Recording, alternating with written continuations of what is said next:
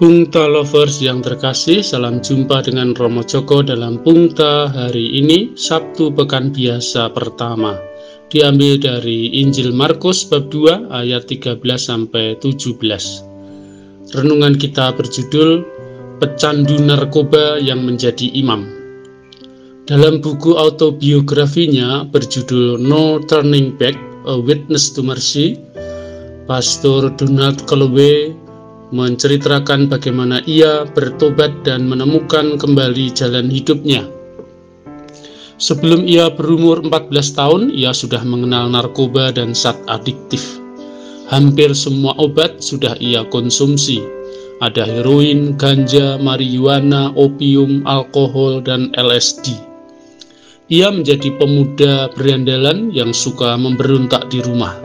Tidak itu saja, ia juga melakukan tindak kriminal yang membuatnya sering keluar masuk penjara. Ia pernah diajak ayah tirinya tinggal di Jepang. Di sana Donald bergabung dengan geng preman terkenal Yakuza. Mereka merampok dari gitar listrik sampai mobil mewah yang harganya bisa mencapai puluhan juta dolar. Dalam buku yang ditulisnya, ia membuat satu bab dengan menulis judul animal yang mau menggambarkan bagaimana kepribadiannya yang sudah rusak seperti binatang. Nafsu kebinatangan sudah merasuk dalam dirinya karena kecanduan narkoba. Titik balik dalam dirinya terjadi pada Maret 1992 saat dia merasa hidupnya kosong dan hampa, ia tiba-tiba menemukan buku di rak ayahnya yang berjudul The Queen of Peace Visit Meiji Georgie. Ia membacanya semalam suntuk. Ia merasa menemukan sesuatu yang hilang dalam dirinya selama ini. Ia menulis, "Pagi-pagi sekali saat aku menutup buku itu, aku berkata, pesan dalam buku ini mengubah hidupku. Saya tidak pernah mendengar apa pun yang begitu hebat dan meyakinkan dan begitu dibutuhkan dalam hidup saya. Hatinya terasa berkobar-kobar. Ia ingin mengabdikan dirinya kepada Tuhan dan Maria. Ia harus kembali belajar dan mulai studi filsafat dan teologi. Singkat cerita, Pastor Donald Calloway Si budak narkoba kini telah menjadi hamba setia Tuhan yang mewartakan kerahiman ilahi sebagaimana yang diwartakan oleh Santa Faustina Kowalska. Pungta lovers yang terkasih, dalam bacaan Injil hari ini, Yesus memanggil Levi Matius, seorang pemungut cukai.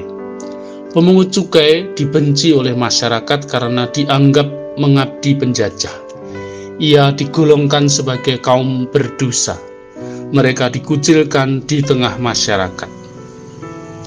Ketika Yesus makan bersama mereka, ahli-ahli Taurat dari golongan Farisi bertanya, "Mengapa gurumu makan bersama dengan pemungut cukai dan orang berdosa?"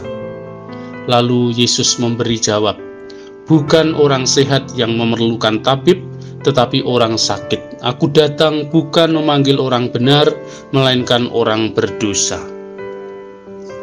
Tuhan memanggil kita bukan karena jasa atau kehebatan prestasi kita.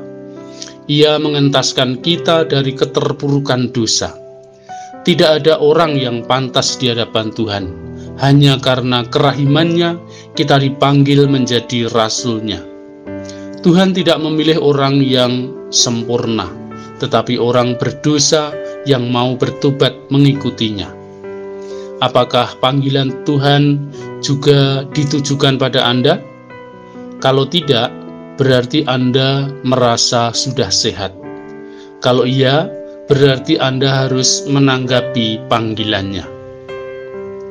Nah, apakah Anda siap menanggapi panggilan Tuhan?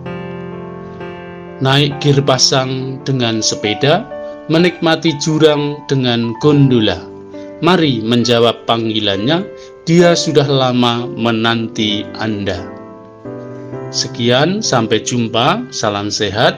Jangan lupa selalu bersyukur, kita pasti bahagia. Berkah dalam.